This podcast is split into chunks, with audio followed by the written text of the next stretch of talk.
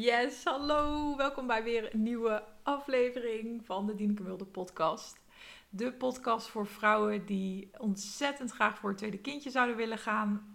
Of er misschien al voor zijn gegaan, maar ook heel erg opzien uh, tegen hun volgende bevalling. Omdat hun eerste ervaring niet zo heel erg fijn was.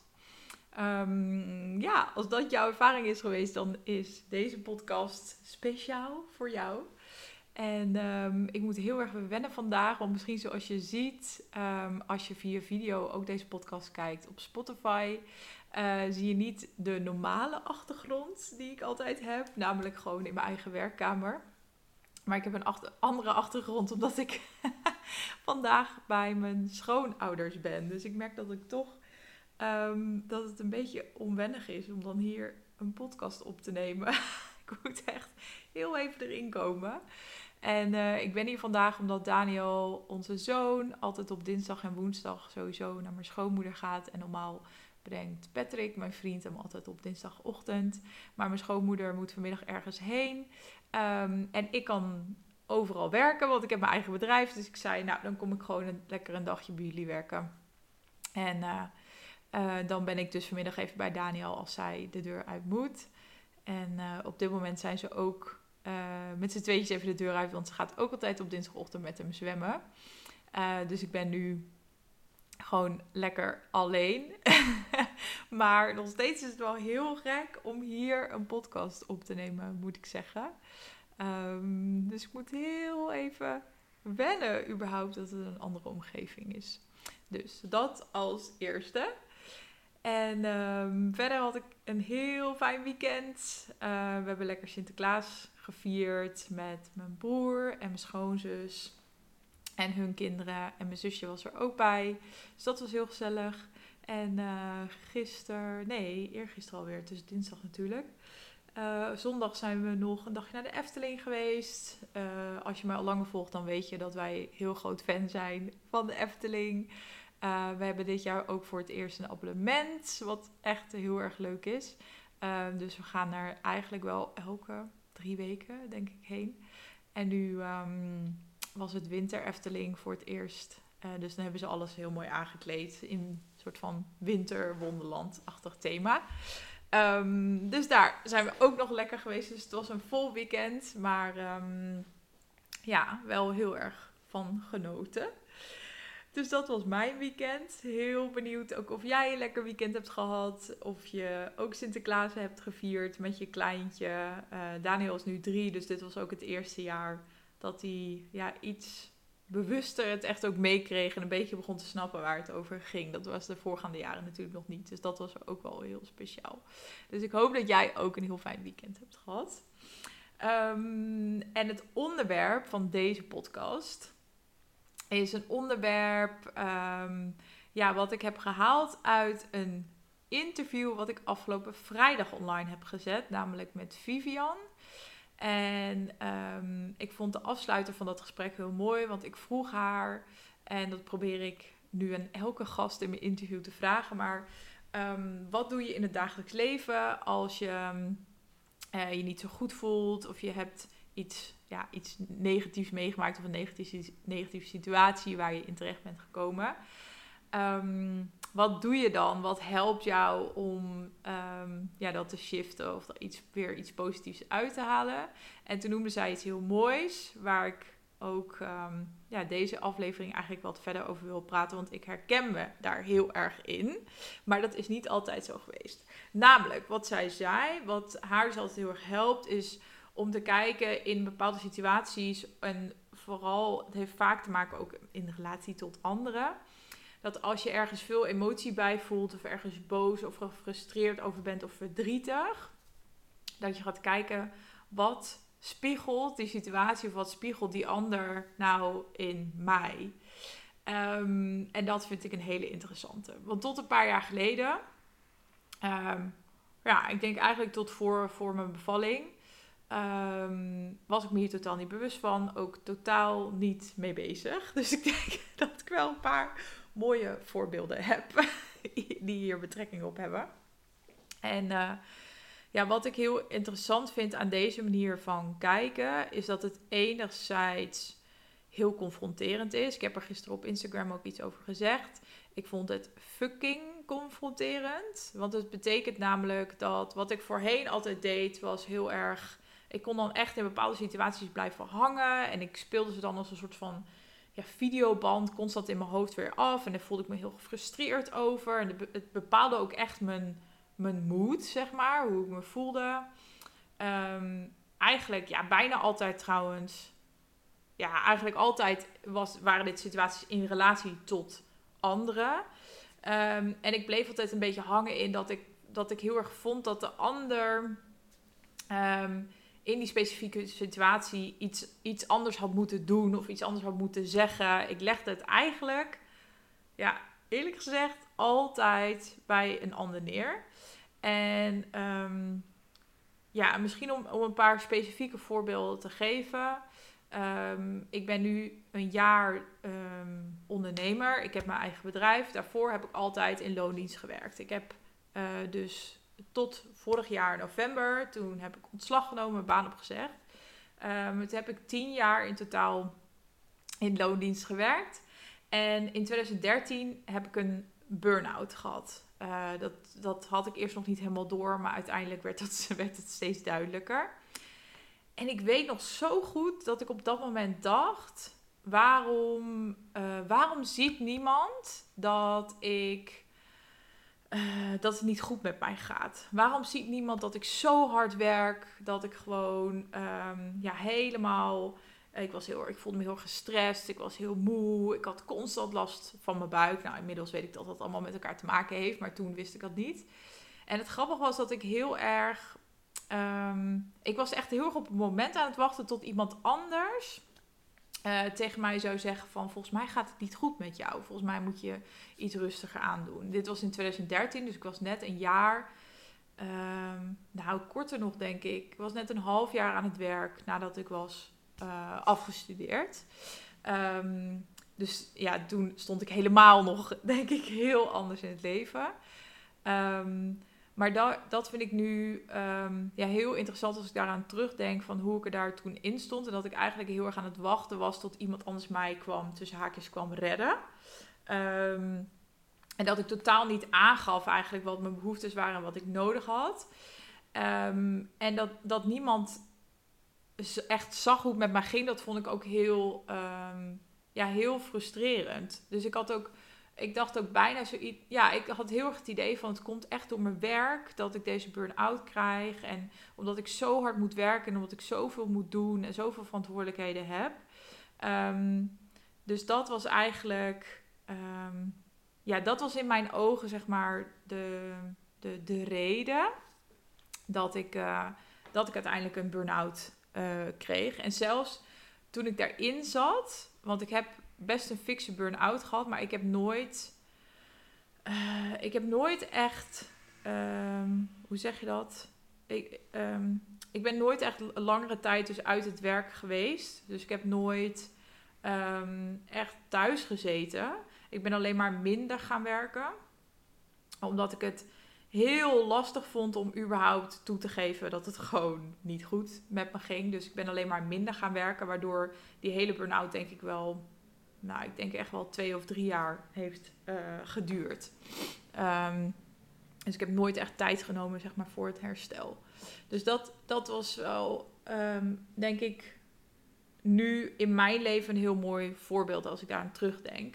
Maar misschien als je ook zelf aan je werk denkt, denk maar eens in situaties op je werk met collega's, waarin jij heel erg het gevoel hebt van je hebt vast, iedereen heeft wel zo'n collega die altijd overal onderuit komt. als jij iemand bent die veel um, de neiging heeft om dus veel verantwoordelijkheid, uh, dus veel verantwoordelijkheid op je te nemen. Of als jij vaak degene bent die zegt, oh joh, ik doe dat wel. Of ik los dat wel op. Ik, ik, uh, ik ga wel wat langer door. Of ik neem dat project wel op me. Um, waarschijnlijk vind je het dan ook heel frustrerend dat er... Uh, ik zit hier bij een bureau en ik heb mijn armen zijn steeds in de knoop. Oké, dus daarom gaat het beeld soms heen en weer. Maar ik praat dus heel veel met mijn armen normaal. Dus nu zitten ze een beetje zo onder dat bureau. Oké, ik ga een beetje wat achteruit zitten. Maar waarschijnlijk herken je dit wel. Als jij dus iemand bent die ehm, de neiging heeft om vaak dus verantwoordelijkheid naar je toe te trekken, omdat je dat gewend bent om te doen, uh, dan, dan wat heel interessant vindt, wat het meest waarschijnlijk frustrerend voor jou is, is een collega die altijd overal onderuit komt, overal mee wegkomt. Ehm, het je hebt echt het gevoel dat diegene nooit echt een extra stap zet of nooit echt uh, zelf aanbiedt om dan iets extra's te doen. En waarschijnlijk frustreert dat jou heel erg. Dus als je dan in een gesprek bent of een vergadering en je ziet weer diegene ergens zo lekker zo mee wegkomen, dus zonder dat diegene dan iets meer hoeft te doen, waarschijnlijk word jij daar echt zo super gefrustreerd van. En het interessante daarin is, en dit had ik dus nooit door, hier was ik me niet bewust van. Ehm, wat ook heel logisch is hoor, denk ik. Dit is echt iets ehm, ja, waar je op een gegeven moment achter moet komen. Ehm, en waar je ook een beetje in moet groeien. omdat het ook heel confronterend is. Want wat je eigenlijk gaat doen, is dat je bij jezelf gaat kijken. Oké, als die collega waar ik me zo kapot aan erger, als dat mijn spiegel is. En ik vind het altijd heel mooi om te zeggen hoe jij dingen in de buitenwereld beleeft, dus wat er om jou heen gebeurt en hoe jij daarop reageert, dat is uiteindelijk een weerspiegeling van wat er in jouw binnenwereld leeft. Dus het interessante is, waarschijnlijk ben je misschien al, doe je al een paar jaar hetzelfde werk en bedenk je nu opeens, inderdaad, ik heb echt één collega waar ik me altijd groen en geel aan erger. Maar ben je nooit bewust van geweest dat dat ehm, een weerspiegeling is van hoe jij naar jezelf kijkt. Misschien heb jij wel de overtuiging dat als jij ehm, niet die extra verantwoordelijkheid op je neemt of niet, ehm, eh, hoe zeg je, ja, dus niet die extra verantwoordelijkheid uh, pakt of aanbiedt om, uh, om te helpen, dat je dan niet behulpzaam bent of dat je dan niet flexibel zou zijn. Um, dus dat bedoel ik een beetje met die, hoe je dat als een spiegel kan zien. Dus in plaats van constant gefrustreerd te blijven naar die ander en eigenlijk je, je aandacht op die ander te leggen, wat echt mega veel energie kost. Want wat ik heel erg, waar ik super veel last van had vroeger, is dat dan, als ik dan zo'n gesprek had gehad met iemand wat me heel erg frustreerde, waar dus emoties bij kwamen kijken, uh, dan kon ik daar echt, nou, echt dagenlang, soms wel wekenlang, kon dat in mijn hoofd blijven zitten. En dus als een soort van videoband op repeat blijven afdraaien. En als ik daar nu naar kijk, dan denk ik ook dat dat heel logisch is, omdat het je heel erg frustreert. Maar je kan er ook niet zo heel veel mee. Want meestal ga je dan, um, zo was ik dan ook, dan bleef het in mijn hoofd zitten. Maar ik ging het niet uitspreken, zeg maar, naar die ander. Ehm, terwijl ik merk nu, ehm, toen ik op een gegeven moment die, beetje die dat doorkreeg en dus me meer bewust werd van, ah, wat ik lastig vind in relatie en situaties met anderen, dat is een hele mooie spiegel, zeg maar, naar mezelf voor iets wat in mijzelf, zeg maar, zit. Dus de buitenwereld weerspiegelt je binnenwereld, wat er in jou zit. En heeft te maken met ehm, ja, hoe ik naar mezelf kijk, overtuigingen die in mijzelf zitten. En dat is heel erg confronterend, want dat betekent dat je naar je eigen aandeel gaat kijken en dus je, zelf je verantwoordelijkheid gaat nemen voor ehm, hoe jij je voelt en dus niet die verantwoordelijkheid eigenlijk bij de ander uh, neer te leggen. Want als je dat wel doet, ehm, dan denk je dus eigenlijk dat, dus in het voorbeeld bijvoorbeeld van die collega, dan ben je er dus eigenlijk ook van overtuigd dat als, ehm, als die collega constant zou uh, juist de verantwoordelijkheid zou pakken. Dat jij je dus veel beter zou voelen. Uh, waardoor jij niet constant al die extra dingen moet doen. Maar dat is natuurlijk een illusie. Want als je het spiegelt naar jezelf. En het gaat dus over dat jij het lastig vindt om je grenzen aan te geven en ruimte te pakken. Omdat, je, omdat jouw overtuiging bijvoorbeeld is: als ik ehm, ruimte pak en niet meer al die verantwoordelijkheden Ehm, op me neem, dan denken mensen dat ik niet, goed, dat ik niet hard genoeg werk. Uh, dat ik dus niet flexibel genoeg ben. Dat ik niet behulpzaam ben naar anderen. Um, dus dat zit uiteindelijk in jou. Um, en dat is dus heel confronterend. Dat is gewoon sowieso, denk ik, het alle, alle confronterendst om naar je je eigen stukken, hoe ik dat noem, je eigen stukken te kijken in plaats van bij een ander. Terwijl dat soms veel ehm, frustrerender voelt. Maar het mooie is dat door die confrontatie, aan de andere kant daarvan ligt vrijheid. Want ik merk dat ik ben daar de afgelopen jaren dus steeds mee bezig geweest. En waarbij mijn hele bevallingservaring echt een soort van katalysator daarin is geweest. Dat was zo'n ontzettend grote ervaring voor mij. Het heeft zoveel impact gehad. En er waren allerlei mensen ook bij, bij betrokken die ik heel erg de schuld gaf ook van mijn ervaring. En vanaf het moment dat ik dus daarin ook ben gaan kijken, oké, wat er gebeurt in mijn buitenwereld. Dus hoe ik mijn bevalling heb ervaren en hoe die hele ervaring was, de buitenwereld, is een weerspiegeling van mijn binnenwereld. Dus vanaf het moment dat ik ehm, ja, eigenlijk los ben gekomen van andere mensen de schuld geven uh, en gaan kijken naar niet, en daarmee bedoel ik niet dat het mijn schuld was, maar wat was wat is het stuk in mij wat ik moest gaan aankijken, zeg maar. Hoe kan ik de verantwoordelijkheid in mezelf nemen voor hoe ik dat ervaren heb en hoe het verlopen is. Ehm, dat, dat hele proces was super confronterend. Maar het mooie is dat daarna, althans bij mij, ehm, heb ik heel erg veel vrijheid ervaren. Want het mooie is, zodra je dat gaat doen, ben je niet meer afhankelijk of leg je niet meer de verantwoordelijkheid voor hoe jij je voelt bij anderen neer? En niet dat dat dan nooit meer gaat gebeuren, hè? dat je nooit meer gefrustreerd of boos bent. Nee, integendeel. Maar ik merk dus bijvoorbeeld wat er bij mij is gebeurd, is dat ik nou, echt veel, veel minder last heb van de situaties waarin ik boos of gefrustreerd ben en waar het dus wekenlang in mijn hoofd blijft zitten omdat ik merk dat ik dus veel minder dus de verantwoordelijkheid ga neerleggen bij de ander. Maar ga kijken, oké, wat is het stuk in mij wat nu dus eigenlijk getriggerd wordt? Wat is het stuk in mezelf waar ik nu iets mee kan of waar ik mee aan de slag kan?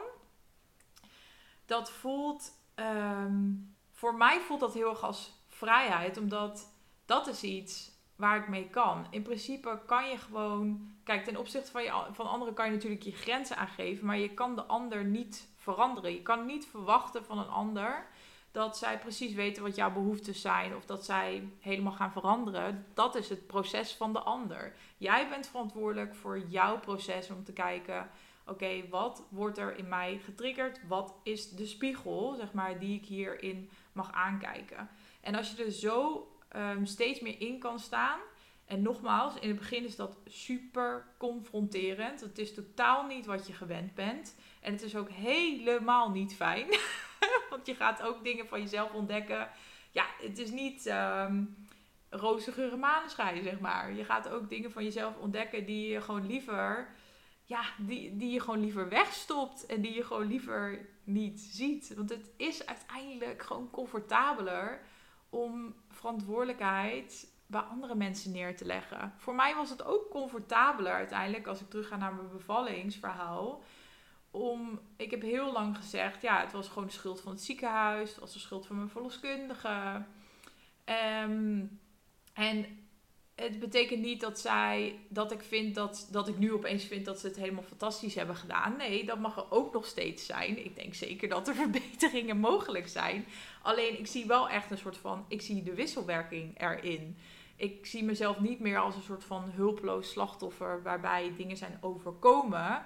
Maar ik zie mezelf ook als een, ja, als een hoofdpersoon in het verhaal met mijn eigen verantwoordelijkheid. Um, en als je nog een laagje dieper gaat, wat ook interessant is, is dat ik ben gaan zien ehm, dat hoe ik mijn bevalling heb ervaren, dat het niet een op zichzelf staande situatie is, maar dat er meerdere situaties al in mijn leven zijn voorgevallen waarin hoe ik mij heb gevoeld toen dat in terugkomt. Dus ik geloof ook heel erg dat de situaties waar jij het meest ja, waar je de meest heftige emoties bij voelt, dus boosheid, verdriet, frustratie, ja, dat zijn echt de situaties waar je het meeste uit kan halen, waar je het meeste uit kan leren over jezelf. Omdat het betekent dat er iets, ja, dat er echt iets heel groots geraakt wordt in jou, getriggerd wordt in jou. En dat, dat zie ik als iets heel positiefs. Want als die dingen je niet gebeuren of niet op je pad komen. En ik geloof ook dat als er dingen zijn in jezelf, eh, trauma's, patronen, overtuigingen. Dus dingen waar je maar in vast blijft zitten. Dus bijvoorbeeld om weer terug te gaan naar het voorbeeld van je werk. Als jij iemand bent die dus altijd verantwoordelijkheid op zich neemt. En heel erg het gevoel heeft van wow, ik werk zo hard, maar niemand ziet wat ik doe. Ik krijg er geen waardering voor. En dus eigenlijk constant maar heel hard blijft werken om jezelf te laten zien. En eigenlijk te laten zien, ik ben goed genoeg. Uh, want dat zit er heel vaak onder. Ehm, dat, is dus, ja, dat is een soort van. Ik omschrijf het wel eens als een soort van hamsterwiel. Je blijft heel hard rennen, maar je komt nergens. Want je blijft telkens in hetzelfde wieltje rennen. Het is eigenlijk een soort van illusie. Omdat je denkt, als ik maar hard genoeg werk, als ik maar veel verantwoordelijkheid op me neem en laat zien ehm, wat ik kan en wat ik voor anderen doe, dan ga ik waardering krijgen. Alleen dat gaat waarschijnlijk, misschien gebeurt het wel, maar nooit wat jij nodig hebt, omdat die waardering moet, moet komen vanuit jezelf, zeg maar. Jij moet jezelf kunnen waarderen en uiteindelijk jezelf goed genoeg vinden. En dat is het waar alles naar terug gaat. En zolang jij niet bij die kern komt of niet wil komen, dat kan ook, hè, omdat het gewoon, en dat is ook super begrijpelijk, omdat het heel confronterend is Ehm, blijf je, daar geloof ik heel erg in, energetisch situaties aantrekken ehm, die eigenlijk daar heel erg bij passen. Dus je blijft waarschijnlijk energetisch ook mensen aantrekken die zeggen: Oh joh, kan jij dat even doen? Omdat mensen onbewust, en dat gaat niet bewust, dat is niet met een bewuste intentie, maar omdat mensen gewoon onbewust aanvoelen: Ah, dit is iemand die gewoon, uh, deze collega weet ik, Um, of weet ik, het is onbewust hè. Maar dit is iemand die gewoon ehm, ja gaat zeggen. En, uh, en dan moet je ook maar eens bij jezelf op gaan letten. Bij dus het voorbeeld misschien ook wel wat ik net noemde. Als je dat herkent bij jezelf. Ga maar eens in het dagelijks leven letten. Ook met, met collega's en mensen die je goed kent. Hoe vaker dus ook een beroep op jou wordt gedaan. Dus dat bedoel ik met je blijft die situaties energetisch naar je toe trekken. En dat zie ik dus ook bij mezelf.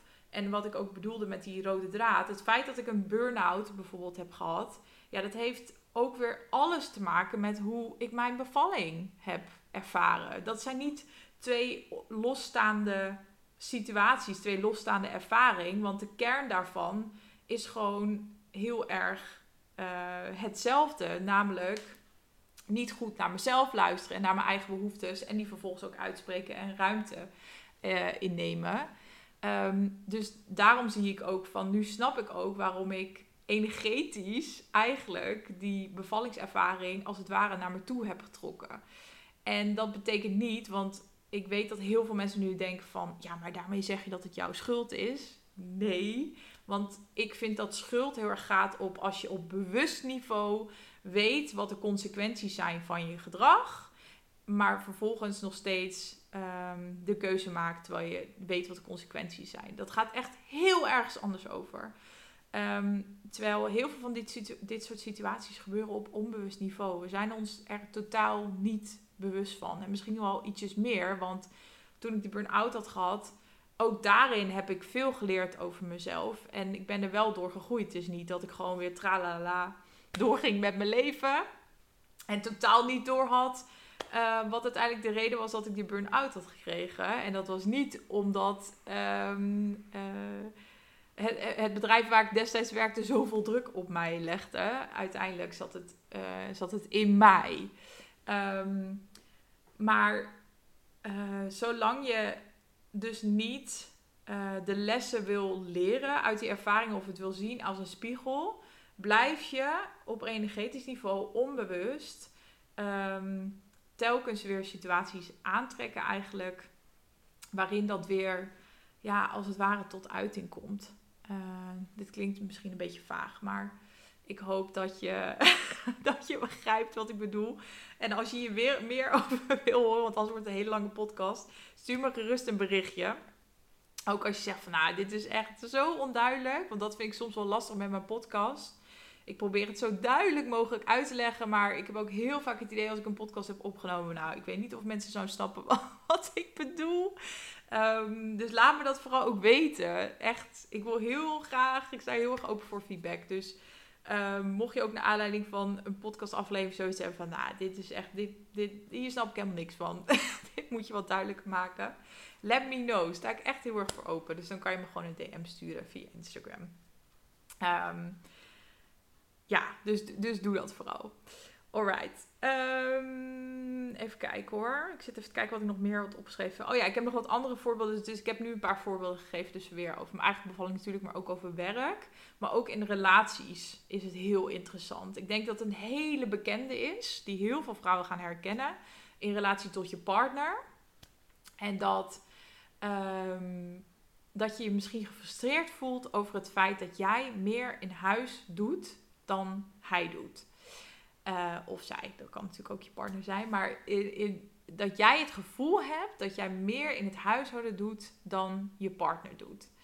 En uh, ik heb deze ook zo lang gehad. En ik was er dan zo gefrustreerd over. Ik ben tien jaar samen met mijn vriend. Bijna tien jaar, volgend jaar. Um, en uh, die eerste jaren had ik dan altijd. Ik, voel, ik voelde me eigenlijk zo'n slachtoffer het huishouden. Want ik had altijd het idee dat ik veel meer deed. En nog steeds heb ik dit wel eens hoor. Maar um, op een gegeven moment ging ik dus dit.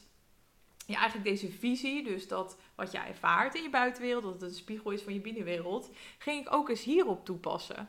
En toen kwam ik erachter dat, um, ja, dat het ook weer te maken heeft met de neiging dat ik um, ja, snel denk van, nou ja, weet je, dan doe ik het wel en dan neem ik die verantwoordelijkheid wel op me. En ook wel een soort van, ja, bijna, ik denk ook wel eigenwaarde stiekem eraan ontleden van, wow, kijk eens hoeveel ik doe en ik doe altijd veel meer dan jij. En daar gingen al die discussies over. Maar het interessante is dat, nou ja, één denk ik dat het mannenbrein gewoon heel anders werkt dan het vrouwenbrein. Uh, het heeft ook te maken met de tijd waarin we leven.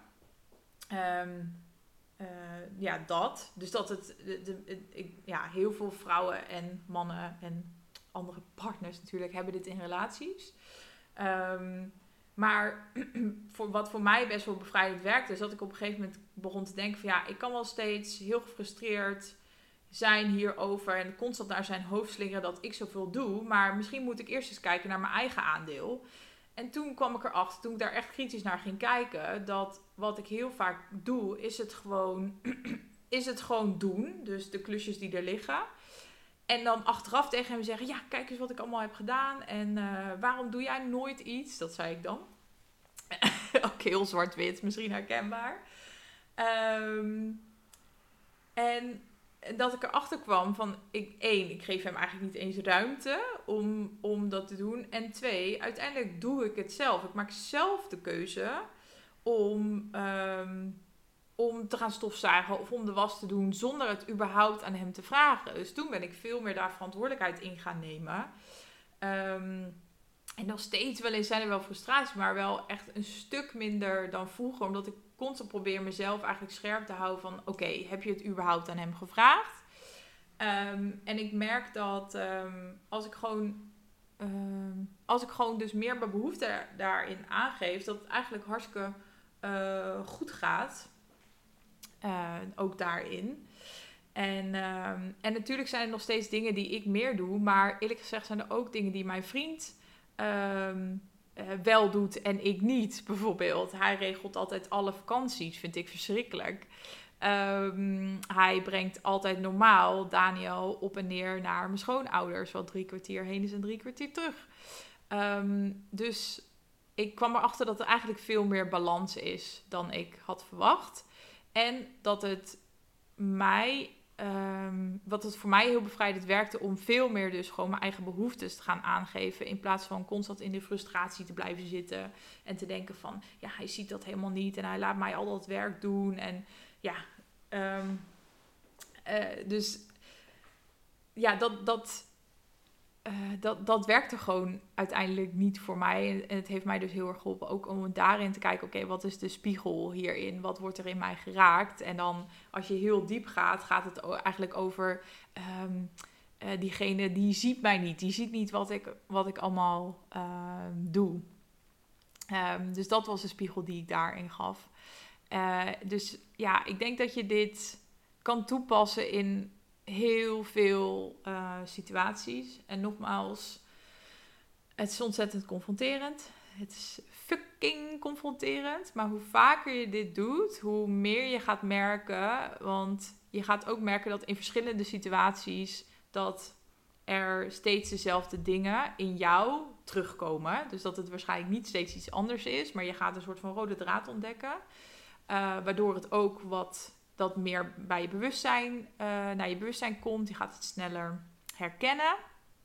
Uh, en daarachter, ja, door de confrontatie, dus door als je door die modder bent gegaan, ja, daar ligt gewoon um, de vrijheid, daar ligt de bevrijding. Omdat je dan opeens gaat ontdekken van, oh, ik ben helemaal niet um, afhankelijk van een ander in dit proces. Ik hoef de ander niet verantwoordelijk te maken. Als ik mezelf verantwoordelijk maak, dan um, heb ik de regie en dan kan ik gewoon zelf kijken wat ik kan doen om me anders te voelen of om me anders te voelen ten opzichte van andere mensen of in bepaalde situaties. Um, ja, dit is voor mij, denk ik, mijn allergrootste eye-opener geweest. En heeft ook het meeste verschil gemaakt in, uh, in mijn leven, moet ik zeggen. Echt in zo vreselijk veel situaties. Vooral dus in relatie met, tot anderen, dus tot, tot vriendinnen, tot familie bijvoorbeeld. Uh, toen ik nog aan het werken was in relatie tot, uh, tot collega's.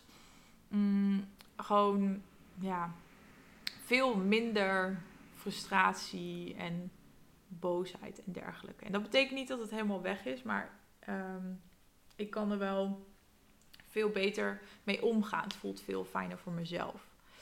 Um, dat eigenlijk. Dus ik hoop dat je hier iets aan hebt gehad. Ik ga nog heel even op mijn lijstje kijken. Um, ja, nee, ik denk dat ik, uh, uh, dat ik alles wel heb gehad. Ja, ik denk dat ik alles heb besproken. Dus um, dank voor het luisteren. Als jij. Uh, um, ja, als je hier dingen in herkent en je gaat er zelf mee aan de slag, dan ben ik heel benieuwd hoe het gaat. Dus schroom vooral niet om me een DM te sturen via Instagram. Ook als je, um, ja, als je gaat naar je eigen, um, ja, deze oefening eigenlijk wil doen, dus uh, wil spiegelen wat, uh, ja, wat betreft je bevallingservaring, vind ik het heel leuk om met je mee te denken, om je daarmee te helpen. Um, wat je dan kan doen, is gewoon rechtstreeks een gratis gesprek met me inplannen. Dat kan via de link in de show notes van deze podcast. Um, dus doe dat, vind ik hartstikke leuk. En uh, uh, ja, ik denk dat dat hem was. Ik uh, zie je bij de volgende podcast. Doei doei!